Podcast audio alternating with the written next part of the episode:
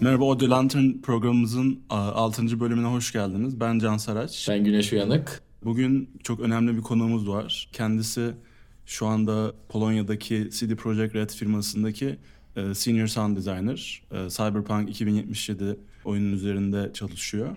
Kendisiyle AAA firmalardaki çalışma koşulları ve oralara giriş şeklinde AAA ve sound design konulu ortak bir bölüm yapmak istedik. Bu bölüm de İngilizce olacak doğal olarak. E, Kendisi Danimarkalı ama evet. Evet. Senin söylemek istediğin bir şey var mı? Ee, Valla açıkçası bayağı heyecanlıyım ben bu bölüm için. Evet evet güzel bir bölüm olacağını ümit ediyoruz. Evet kendisi de çok renkli bir kişiliğe benziyor zaten o Evet. yüzden. Uh, hello Bjorn. Hey. Uh, we are pronouncing your name right? Or... Yeah. Yeah, no, no, that's that's very right.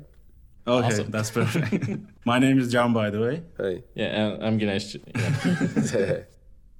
so, first of all, how are you? How is everything going right now? it's okay. I have a cold, but uh, apart from that, uh, the weather in Poland is cold, and I'm working a lot. So Yeah. Okay. You're right now in Poland, right? I'm in Poland, yeah. So Yeah. I rarely get any sunshine these days. Yeah. no worries. We don't really see the sun here either that much, actually. But it's warmer, I suppose. I think it's a, a little bit warmer than Just a Poland, bit. Probably, yeah. How warm is it? Uh, right now it's about two degrees. Two degrees. Okay, I thought it was way warmer than that, but No, no, not really. I think that I think that's almost the same as here. Yeah. yeah, the winters are not really soft here. No. so so for those who don't know about you that much, like can you do a little bit of uh introduction of yourself? Yeah, sure. Um, my I'm I'm Bjorn Jacobsen. My name. Um, I'm from Denmark. Right now, I work in Poland. I own. Well, actually, I just quit, so I'm leaving in a month. But that's beside the point. Um, I have been sound designing video games for I don't know. If you if you count all the years, then probably since 1998 or something. But if you if we are like serious video games and so on, it's only for the past 10 years or something Right. and yes, yes, it's it's it's something like that. I've, I was a musician before. Uh huh. It's it's been many years, and it's been fun. But now I'm moving home, and I will be freelancing. So you're you're moving back to Denmark Yeah, I'm moving back to Denmark. Um, and your family's in Denmark as well, right? my my wife and my kids are in Denmark, so I only see them one or two days a week, hmm. and it's been like that for a year and a half. And Yeah, that must have been yeah. it's it's it's kind of tough, but it, we've come to a point where the family cannot continue if if if I continue being away like that. So I obviously Yeah. prioritize family and go home. Yeah, of course, yeah. Right. Yeah. It's got to be a long commute too, like flying to Denmark and then going back to Poland. Yeah, actually, uh, the the only problem is that you fly because the the time it takes is not that bad. Uh, Yeah. From I leave from when I leave my own front door until I'm at the office, that's like three and a half hour. Right. So that's that's I mean that's that's 20 minutes to get to the airport. I don't know, 30 minutes before we take off, and then an hour to fly, and then get to the office. So it's it's not that different from if I worked just um, at the other end of Denmark, really. But because I'm flying, it feels much longer and like I'm really really far away. Yeah, yeah. Yeah. It's uh, 600 kilometers if if you go straight. So on, on paper, I'm very far away. right. But on flying, it's like an hour of commute, maybe. Yeah, an hour, 10 minutes, something like that. And you said that you were a musician. Uh, I, I was wondering about like why didn't you go into game composing but more sound design? Uh, that was because when, when I was um, a musician, I was uh, strictly an electronic uh, musician. Like uh, I was uh, like very classic, making techno, like literally techno music. All right. um, and I was doing that without any, let's say, s- serious musical background. So I, I through through making that sort of music, I found out that I was really good at the technical side of things. I'm I'm a horrible, I'm probably a horrible composer, uh, but but I was really good at making beats. I was very good at making individual sounds for these techno tracks, which of course the techno itself was great. I mean, I, I, I did travel and I did have a band and it did did make money on it and so on. Mm-hmm. But but if you ask me to write a piece for guitar or something nice for a specific video game, then I I could only produce one style of music. Right. But if you ask me to make sounds for a gun, then I would use the same experience from the music and then create the gun sound. Mm-hmm. So the music itself sort of naturally became a sound design thing. It's not because I gave up music or didn't feel like it. So Do you still create music like beats or stuff like that? I want to, but I haven't for many years. I still get I get fan mails. You do? nice. yeah, from people who used to listen to the music Yeah. who ask when I make a new track, uh, and that's nice, of course. Yeah. But I started having with the music, I started having like serious writer's block, Oh, Right, yeah. and then and then it just stopped. I mean, it just it became it, it became it became video game sounds instead every time. Mm-hmm. So yeah. So you mentioned you toured a lot, right? Like you spent a long time touring as an electronic musician, right? Yes, from when, like I said, I didn't, I don't have a, a musical background. So when it started, that's like from '98 or something, when I was 16 years old or something, and then uh, it sort of gradually took on from there. And since 2000, I started to be a DJ at clubs. Started releasing some music in 2001, and then was traveling around primarily in Europe to play concerts there, and it was fine. It didn't make me very rich, but it made me survive. Yeah. Yeah. Like, uh, But the ultimate goal was always to get into the game industry, right? and not not at that time. At that time, I thought I was going to be a techno DJ forever, Right. and and didn't didn't really have a plan. But right. Right. right. But then I remember uh, it's actually one of the things that I regret the most is that I didn't do, I didn't think about video games earlier because in, in 2001, uh, the very first Hitman game is being developed in Denmark. right. And I remember I, I heard about it and I was wondering why don't I apply for a job there? Right. uh, ev- even though I might, I was completely unqualified and so on. And that's the thing that I regret the most because it wasn't until maybe 2004 or five ish that I kind of decided, okay, I'm going to go all in on video games. And then, then the competition was three years ahead of me. Right. Yeah. So I regret not having like just just went all gone all in or at least tried. That's the thing. I didn't even try. So I should have back then. So Though music probably brought you a lot of experience in designing sounds too. Like, can you pick stuff that you said that okay, because of music, I can just do this, like knowing the headrooms and stuff like that, or did you have a more of a learning curve when you started in game audio? I uh, no, I, I think um, when I was, I had a, bit, a bunch of experiences when I was working with it because as a musician, as most musicians do, I always thought I'm really bad at this. It's I'm like complete imposter syndrome. Like this, Yep. this, this. The only reason people book me for my concerts is because they have no idea that this is all luck, and I'm com- completely crap at this. Um, nice to be lucky for 20 years, right? But that's but but the thing is that that from there I started to do I went to a course at a school in Cubase. Mm-hmm. Right. And I because I wanted to get better at Cubase and instantly I found out that was the one time I found out that I was considering myself a beginner, mm-hmm. but I found out that my skills were way beyond what they called the expert course. Oh, okay. So so that that made me realize that okay, maybe maybe this isn't so bad after all.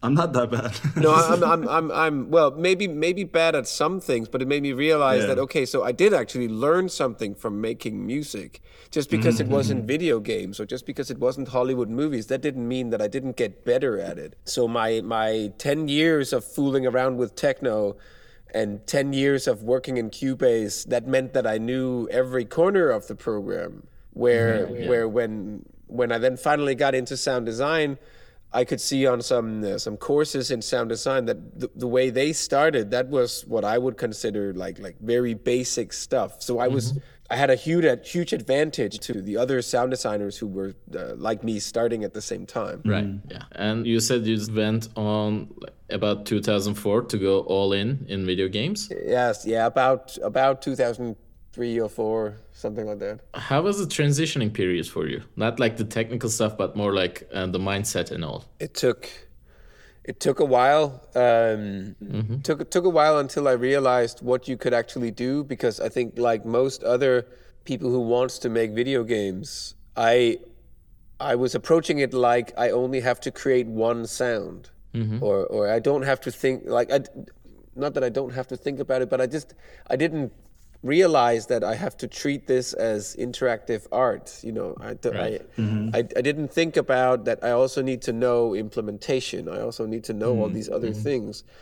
Lucky for me, that was not difficult for me to learn, but but I know other people who are really good at making sounds who when they find out they also need to like do small programming or logic or implementation even even ju- even just in Wwise like a very simple ui system then then they they sort of run away because they they they literally are scared of logic and implementation. So so the transition phase was kind of uh, kind of long for me because I was um, I was I was trying to figure out how how to do that, and then also when I was applying, it's one of the common problems I think. Like me, when you don't have a job in video games, mm-hmm. then when you apply for a job in video games, they don't want to hire you because you don't have a job. Right. like like like you, you you lack experience but i need the job to get the experience. Like you're in this you're in this limbo phase where you have no idea mm-hmm. how to how to how to how to progress how to move on. Where do i get experience if nobody wants to give me a job? Mm-hmm. So i spend a lot of time trying to learn things and then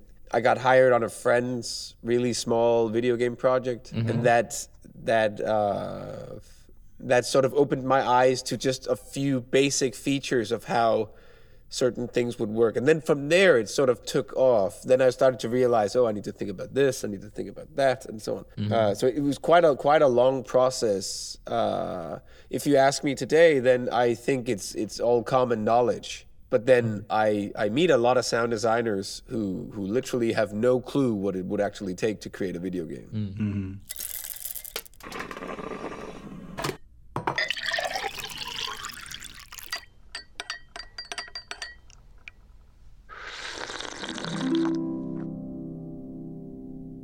So that first job you had was uh, the one in Iceland. I Yeah, that's that was the first one uh, where I considered myself uh, that that now I've made it.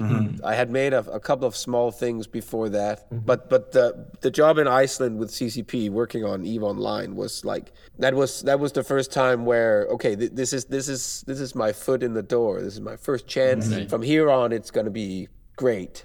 Yeah. And, it, and it wasn't, but that's the uh, the job was fine and, and everything was fine. But it's it's every time I need to look for a new job, even today, I still consider myself I don't have a chance. Everybody's better than me, uh, all that stuff.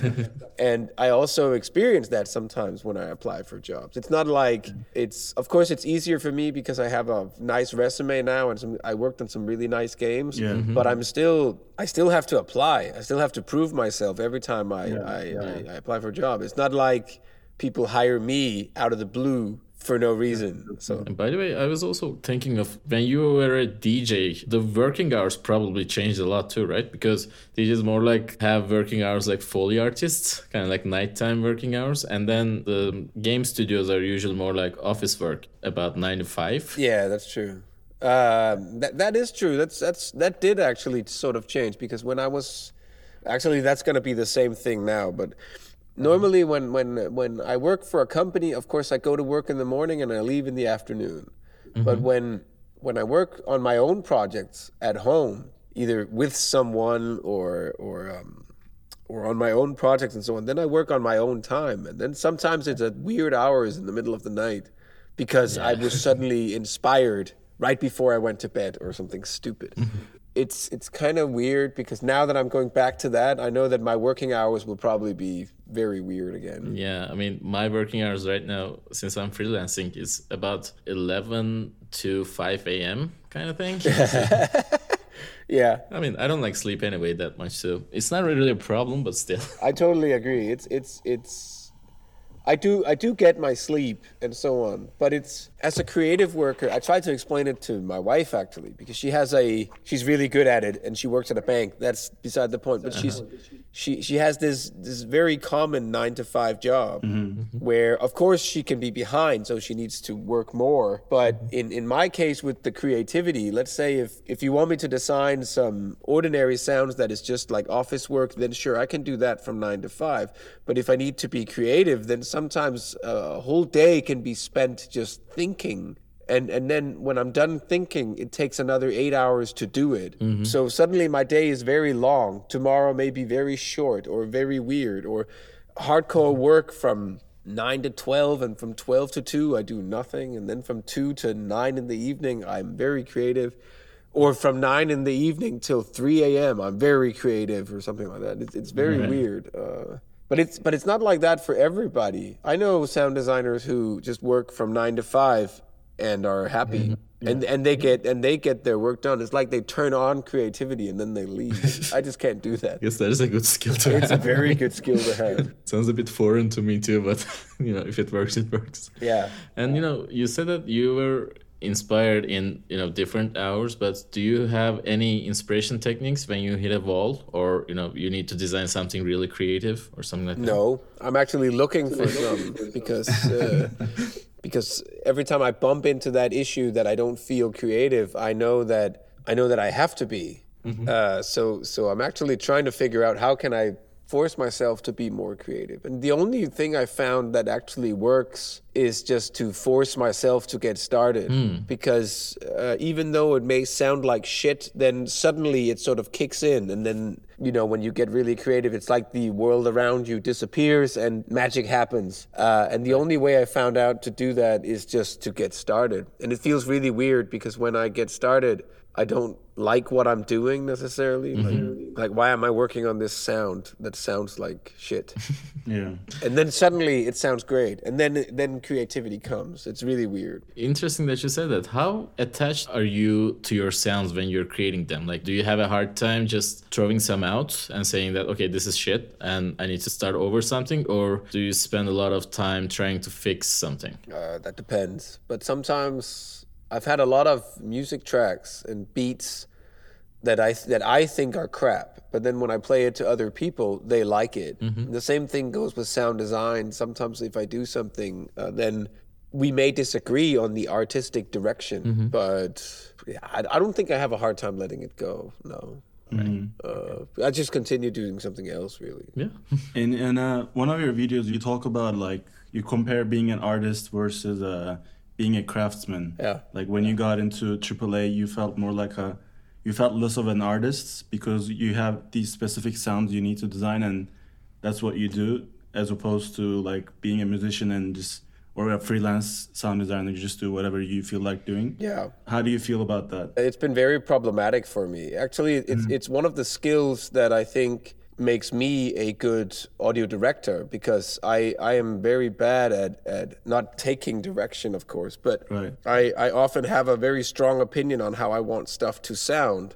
And I'm also quite good at expressing how I want things to sound. And uh, well, that's one of my advantages as an audio director. I know other sound designers who are really good at just doing their own thing, but they're just as good at, to that into if you just give them an order and then they just just do it where i i have a hard time sometimes creating stuff if i don't agree with the esthetics Did it uh, get easier when you become in a more senior role? Like being an artist suddenly became a bit easier? Or? Yeah it did because now i can the more senior you get the more i can say i want it in some way.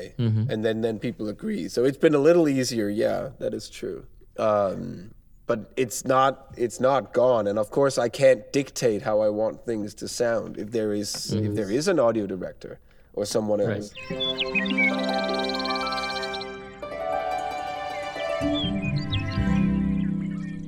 Well, uh, let's start talking about AAA. Was it Eve Online that you considered your first AAA or Hitman? Well, that's a nice discussion because I, when I worked on Eve Online, I consider that triple A.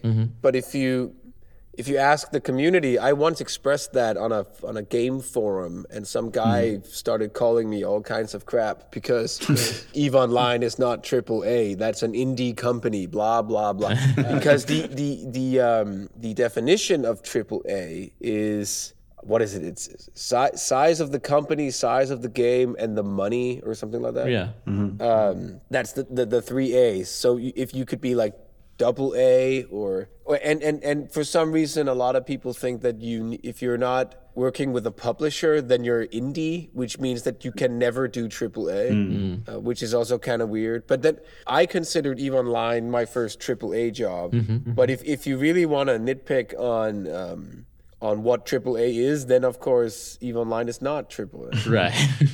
but EVE Online was my first big project so when we compare both of them, like Eve Online to Hitman, like in working mindsets, did you feel a difference in between them, or do you consider both of them kind of similar in working? like when you're working no, on no, them. no. They're completely different ways of working. Right. The the engine is first. The, the technical side is is different, but also the work environment and the colleagues and the way the company is structured. It's a completely completely different company, completely different way of working, and of course the craft, the sounds that I do, are the same, but I have to. Um, yeah, so creating the individual sounds is the same for me because that's just the tools that I want to use. But when it comes to implementation, it's like working for a completely different product. Like when I need to, it's kind of like I, I actually just renovated a house, and that's a hammer and a saw and other things. But this would be like having to renovate another house with three completely different tools, with a screwdriver instead of a hammer, and so on. It, it was completely different. Uh, they, they, they both used Wwise, uh, which is nice but the engine is completely different. Like Eve Online has no audio tools whatsoever. Oh. So everything is hard coded, which means that I have to ask a programmer every time I want something. All the parameters are global uh, and so on, which means that we had like a, a billion parameters in the game uh, for, for each tiny thing because you couldn't send them to a game object and so on. Whereas in Hitman, it was very, very specific and very, very controlled. And I could the stuff that I wanted to do in Hitman, I could do in five minutes, and that would take me three weeks in Iceland because I had to ask a programmer 1st So it, it can be it can be very different. Right. Did you work with an audio programmer, like a dedicated audio programmer in Hitman? Yes, Or- yeah, we had we had one. Later we had two, and then at the end we had one again. Um, Right. This French Russian guy called Stepan. he was he was cool uh, um, uh, and really good at what he was doing. But we had a mm. dedicated audio mm-hmm. programmer. But that's also very different because at Eve Online we had an audio director and me as a mm-hmm. sound designer and then one one guy who was literally he was I think he was hired as an audio designer and a composer, but he was actually doing the audio programming. But then on, mm-hmm. on Hitman we were four or five sound designers and one programmer. Whereas here at CD Projekt Red, where I am now, we have like what, one, two, three, we- have seven audio programmers and and, and five and five audio designers, and it's it's it's a it's a completely different structure and a completely different way of working. Um, in terms of how tools work and how you do things. Since you have a five-man team, they, are they all dedicated to Cyberpunk only, or some of them just work on other projects too, like um, what was their Gwent and stuff like that? No, those are those are only the guys, and there's one girl in uh, who is in um, who's in my team for Cyberpunk. CD Projekt Red also develop other products uh, like Gwent and a couple of other games. No, only Gwent, I think. But they have their dedicated audio team, Right. and I th- I think they are two, three, four, maybe something like that. I actually don't know how many they are. So how how was working on Cyberpunk? Was that was that a fun experience so far? Yeah, it's been it's yeah, it's been really funny, um, especially because the universe that has been the, the, the universe that has already been revealed is uh, is quite interesting, and it's it's very much the type of sound that I like to do. Oh, that's cool. Like very very sci-fi-ish and cyberpunk-ish and over-the-top production and so on. Yeah. But because of uh, because of the family situation that I have, then obviously it, it's also been hurting my creativity. So so so there's been there's been periods where I've just been staring at the wall and been like this this isn't working for me. So Right. so it's it's uh, it's fair it's fair to leave the company now, but it's it's uh, working here has been really good, and I think the company the company's doing a great job at treating their employees well. Uh, there's been a, there's been a lot of fuss in the media about uh, that CD Projekt Red should be a bad company, but um, and and I, s- I see where the critique is coming from, but I also have to say that that I worked at other companies where it was just as bad or worse. So it's it's not like CD Projekt Red is is is a bad place to work or a bad company at all.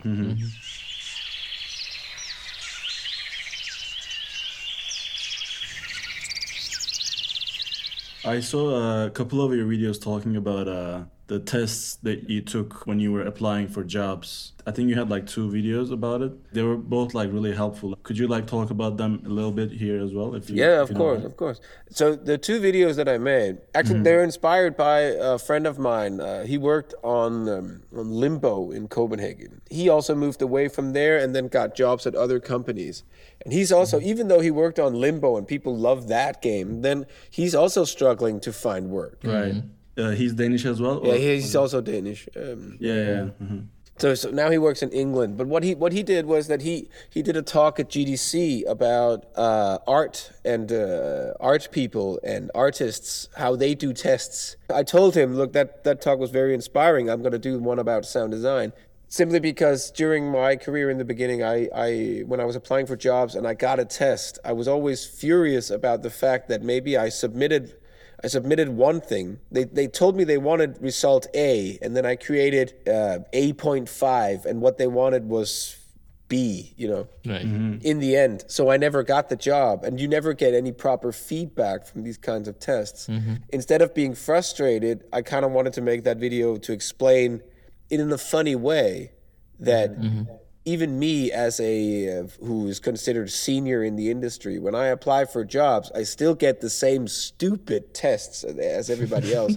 And i get the same stupid replies. And i get i get i get the same stupid results because it's i create something and maybe it sounds good but then it's co- when they tell me what they expected it's completely different from what they said they wanted. Yeah. so so it's it's I kind of wanted to make that video to to uh, for professionals to laugh at it because we think it's funny, but also sort of like to for beginners and inspiring and uh, you know aspiring sound designers who wants to get into the industry to understand that it's it's it's not you who's the problem. It's it's just the way things are. Yeah. Yeah.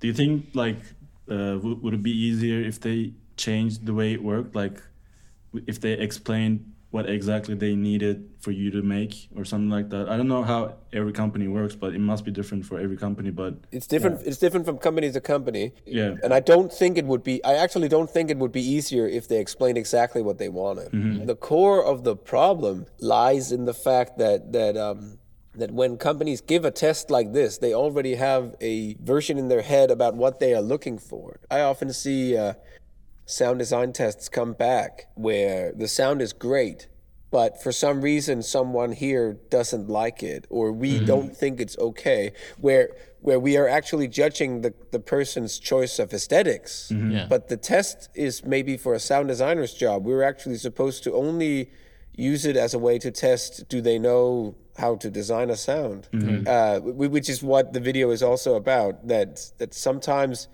you're applying as a sound designer, but they literally want you to do audio direction as well when you do the test, mm-hmm. Right. Mm-hmm. which is quite weird. Um, I don't think necessarily that you can do it differently, mm-hmm. but the companies, I think, including myself, should take that into consideration when people apply. That what they hand in as a test, if it's technically good enough and if the sounds are great, then the person is good enough to be hired.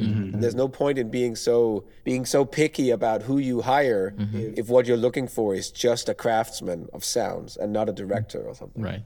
Uh, do you think it will be uh, helpful in that situation asking for a document of text, uh, just asking like, what did you think of doing here and why did you go for a sound like that? Or would it just complicate things more? No, um, I don't know if you could, if you, well, one thing is that you can always ask questions. I think a lot of people don't don't ask enough questions. It's fair to like if you get a design document and and a, and um, and a video, it's fair to write back to them and say, look. How would you prefer this? Should this be this or that? Maybe they won't answer. That's one thing. But mm-hmm. but I, I generally think people ask too little questions, which is part of the frustration when you're then told it should be different. Mm-hmm. I think it's I think it's fair to write a document and say how you did what. But I've also seen documents where people write several pages about why the sound design test is the way it is and that's mm-hmm. as much as i say it's a good idea i also say it's a bad idea because those kind of those kind of, of long documents they just they just piss me off and i don't Yeah. want to read them. Uh, no but i actually have an example. There's there's uh, one sound design test where we were supposed to do a gun a rifle and we're just told uh, please do a rifle. But then normally i think when i did that test myself i wrote here's a rifle and it just sounds like this. And i was just proving to the, the that i could do the technical side of it. That was it.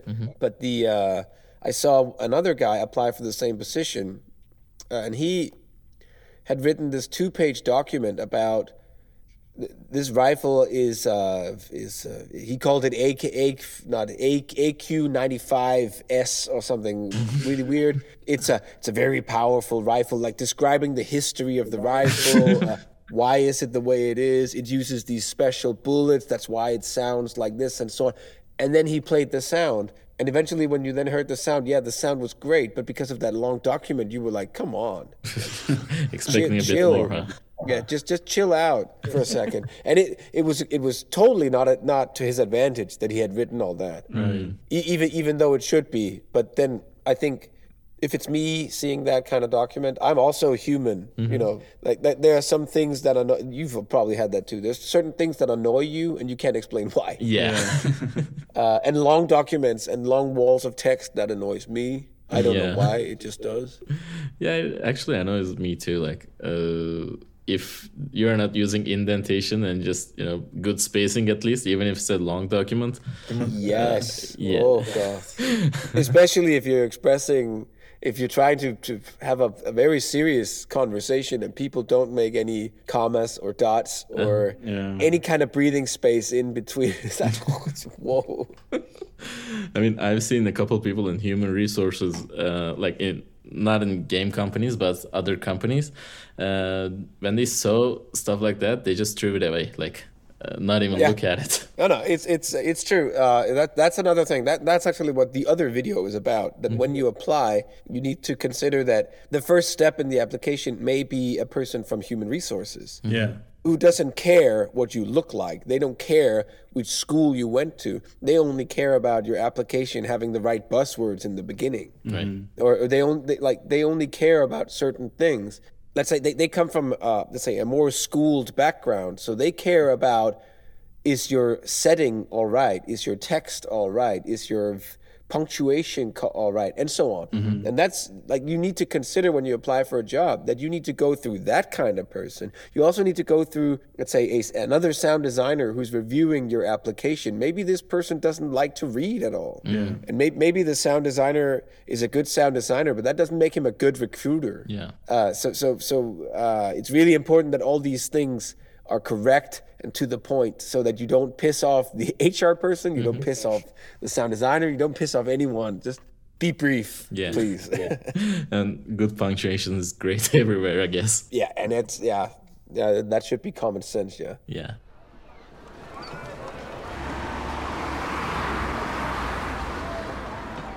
You're probably gonna get a bit less busier than AAA in a couple weeks, I think. But did you also have a chance to work on smaller projects while you were designing AAA? Uh, some, a little bit, yeah. Um, I worked on a, on a video game with this American guy. Actually, he's uh, without offending him, I think he's like half Polish, half something else. Moved to the states and classical composer. Now he makes video games, something like that. and he, I worked on a game with him, uh, which we still work on, which is great. Uh, and then Is it uh, the game Dark? Yeah, that's it's Okay. dark. Yeah, Yeah, yeah. We're, we're still working on that. Yeah, it seems Uh, really cool. I, I saw a couple of little clips. Yeah, it does. It doesn't take too much of my time actually, Mm-hmm. because in the beginning when I talked to the guy who's who's creating that game, we sort of agreed that that I'm very busy with Cyberpunk and other things, Mm-hmm. so uh, I can do this for him whenever there is time, Mm-hmm. and it's been very successful so far. Nice. But that's also because my family's in Denmark. So when I have my full time job here, I I don't have any family to go home to, which means that in the evening I can work on this without having to think about Yeah. Mm-hmm. kids and family and so on. If I had been working for a Danish company and had to go home every evening to cook and feed my kids and put them to bed and so on, I might not have four hours in the middle of the night to work on mm-hmm. something. So it's when my time in AAA here is coming to an end, mm-hmm. the plan is to use my experience from AAA, of course, to get some AAA customers as a as a freelancer. Mm-hmm. But the way things will work will be much slower, I think, um, and I'll be able to work on more projects, but smaller projects at the same Right. time. Mm-hmm.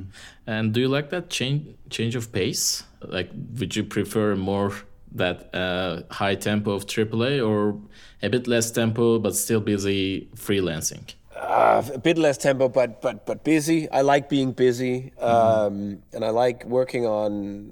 It doesn't really matter if it's a small or a big project, as long as the project is good.